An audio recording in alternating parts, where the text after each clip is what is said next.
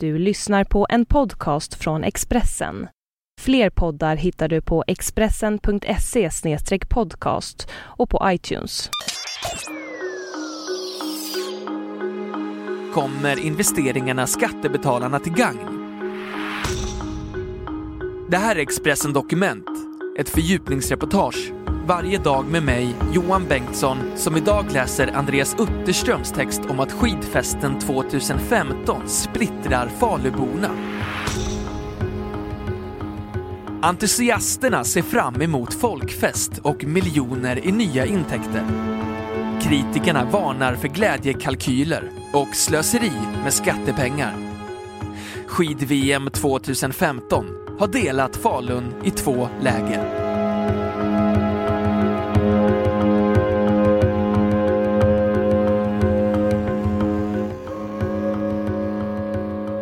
Tänk dig en debatt om religion. I ena hörnan, någon som läser Bibeln varje dag och är övertygad om att Jesus gick på vatten. I den andra ringhörnan, ateisten som tycker att religion är ett opium för folket. Ingen av dem kan bevisa någonting. Allt handlar om att tro, eller inte tro. Så har också debatten om skid-VM i Falun 2015 utvecklat sig. Sponsorerna ska täcka kostnaderna för själva arrangemanget. Men för att det ska bli tävlingar krävs investeringar för omkring 300 miljoner kronor. Det är pengar som Faluns skattebetalare står för. Så frågan är om det, som ekonomerna brukar säga, går att räkna hem affären. Kommer de investeringar som görs idag att komma Faluborna till gagn också efter att skideliten har lämnat staden? Den typen av beräkningar är väldigt svåra att göra. Många har försökt och räknat helt fel. Därför handlar det till syvende och sist om vad man tror. Det erkänner även VM-generalen Sven von Holst. Att mäta det här i kronor och ören är nästan en omöjlighet. Det handlar om vilken inställning man har. Och jag tillhör de som tror att ett VM är väldigt bra för Falun. En läsarundersökning som Dalarnas Tidning nyligen gjorde och där drygt 1072 personer svarade visade att 64 % var positiva till VM medan 21 var negativa. Jens Rundberg, politisk redaktör på samma tidning, är en av de mest högljudda rösterna i minoriteten. Han menar att hela processen genomförts med ett demokratiskt underskott bland annat genom bristande insyn i det kommunala bolaget Lufab som äger och förvaltar fastigheterna på Lugnetområdet där skid-VM ska hållas. Rundberg har också retat upp sig på att skattepengar används för att renovera backhoppningsbackarna som ska användas under mästerskapen. Det är lika mycket kärnverksamhet som att starta kommunala bomullsplantager eller rymdresor, säger han. Bland Faluns politiker har skid-VM blivit en het potatis. Interna strider har spelats upp inför öppen ridå och toppolitikerna anklagas för att göra sig av med obekväma kritiker. Det här infekterar hela Falupolitiken. Jag tror också att det här är en stor fråga för väljarna. De undrar förstås hur det kan finnas pengar till ett skid-VM samtidigt som det sparas på annat, säger Jens Rundberg.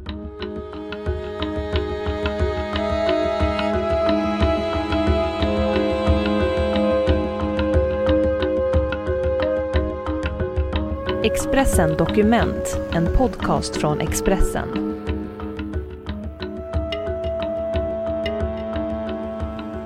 Vetenskapliga studier visar att kommunala politiker har en tendens att underskatta kostnader och svårigheter i de här sammanhangen. Karin Bok, kulturgeograf och lektor i idrottsvetenskap vid Malmö högskola, har gått igenom den forskning som finns kring stora evenemang och idrottsarenor. Något eget forskningsprojekt har hon däremot inte genomfört. För det har ingen hittills velat finansiera. Kanske beror det på att det finns allt för många som inte vill se resultaten. Karin Bok menar nämligen att politiker nästan alltid återkommer till samma svaga eller rent felaktiga argument. De pratar om att satsningen ska ge uppmärksamhet i medierna, skapa en mötesplats och stolthet bland invånarna, locka nya investerare och turister, användas i stadens marknadsföring och förbättra dess image. Däremot talas det inte lika högt om de kostnader som evenemangen för med sig. Dessutom finns det ofta en stark tro på långsiktiga effekter av storskaliga idrottsevenemang, något som nästan aldrig slår in. De fall jag gått igenom visar att städerna med undantag för Barcelona, som arrangerade sommar-OS 1992, i stort sett alltid har gjort glädjekalkyler, säger Karin Bok. Hon tror att en del av förklaringen är att det handlar om idrott, något som många är intresserade av och förknippar med spänning, motion och folkhälsa. Att elitidrott, där det handlar om att hitta lukrativa sponsorkontrakt och pressa kroppen till det yttersta, är allt annat än hälsosamt är förstås en helt annan femma. Timbro, en tankesmedja på högerkanten, har varit inne på samma spår. Den gav 2010 ut rapporten Arenafeber, där byggandet av sju svenska idrotts och evenemangsarenor granskades. En slutsats som kan dras av rapporten är att många politiker inte hade alla fakta på bordet när de fattade sina beslut. Det gällde i synnerhet de ekonomiska kalkylerna. I vissa fall blev den verkliga investeringskostnaden 100% högre än beräknat. Felräkningarna drabbade då skattebetalarna som fick skjuta till pengar. Flera av städerna hade också misstagit sig när det gällde driftkostnader, vilket gjorde att anslagen i andra kommunala verksamheter minskade. Men Jonny Granshag, socialdemokratiskt kommunalråd i Falun, tycker inte att han varit överdrivet optimistisk. Däremot ångrar han ett tidigt uttalande om att skid-VM skulle kosta cirka 80 miljoner kronor. Idag uppskattas notan för investeringskostnaderna till omkring 300 miljoner kronor. VM-arenan Lugnet är en enda stor byggarbetsplats just nu och ansiktslyftningen har kommit halvvägs. Det som har väckt mest kritik är att två gamla backhoppningsbackar ska byggas om och renoveras till en kostnad av cirka 107 till 117 miljoner kronor. Efter VM kan de användas till världscuptävlingar. Våra grannländer är också väldigt intresserade av att använda dem i samband med träningsläger, säger Jonny Granshag. Han menar att de skattepengar som används för att renovera det idag slitna Lugnet är en klok investering eftersom att det är ett ställe som inte bara används till idrott utan också konserter, konferenser och mässor. Men det är inte bara politiker som är positiva till skid-VM. Det gäller även lokala företagare som Katarina Lind, marknadsansvarig på Printeliten i Falun. Företaget anlitades redan i samband med att staden skulle ansöka om VM och som hittills har tryckt bland annat broschyrer, banderoller och utställningsmaterial. Det här är jättespännande och kommer att gynna det lokala näringslivet. Alla företagare i Falun som jag pratar med är väldigt positiva. Skid-VM kommer att bli en riktig folkfest och skapa mysighet för hela Dalarna, säger Katarina Lind.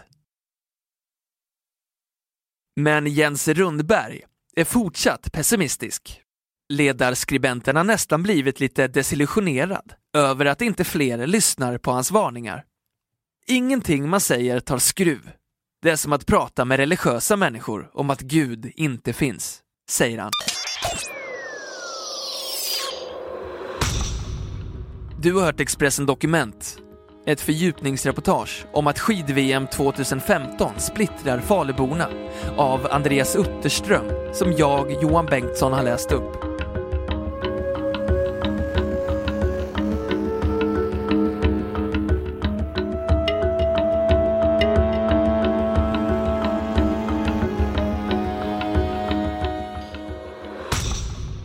Du har lyssnat på en podcast från Expressen. Ansvarig utgivare är Thomas Mattsson. Fler poddar finns på Expressen.se och på iTunes. Ett poddtips från Podplay. I podden Något Kaiko garanterar östgötarna Brutti och jag, Davva, dig en stor dos skratt. Där följer jag pladask för köttätandet igen. Man är lite som en jävla vampyr. Man har fått lite blodsmak och då måste man ha mer.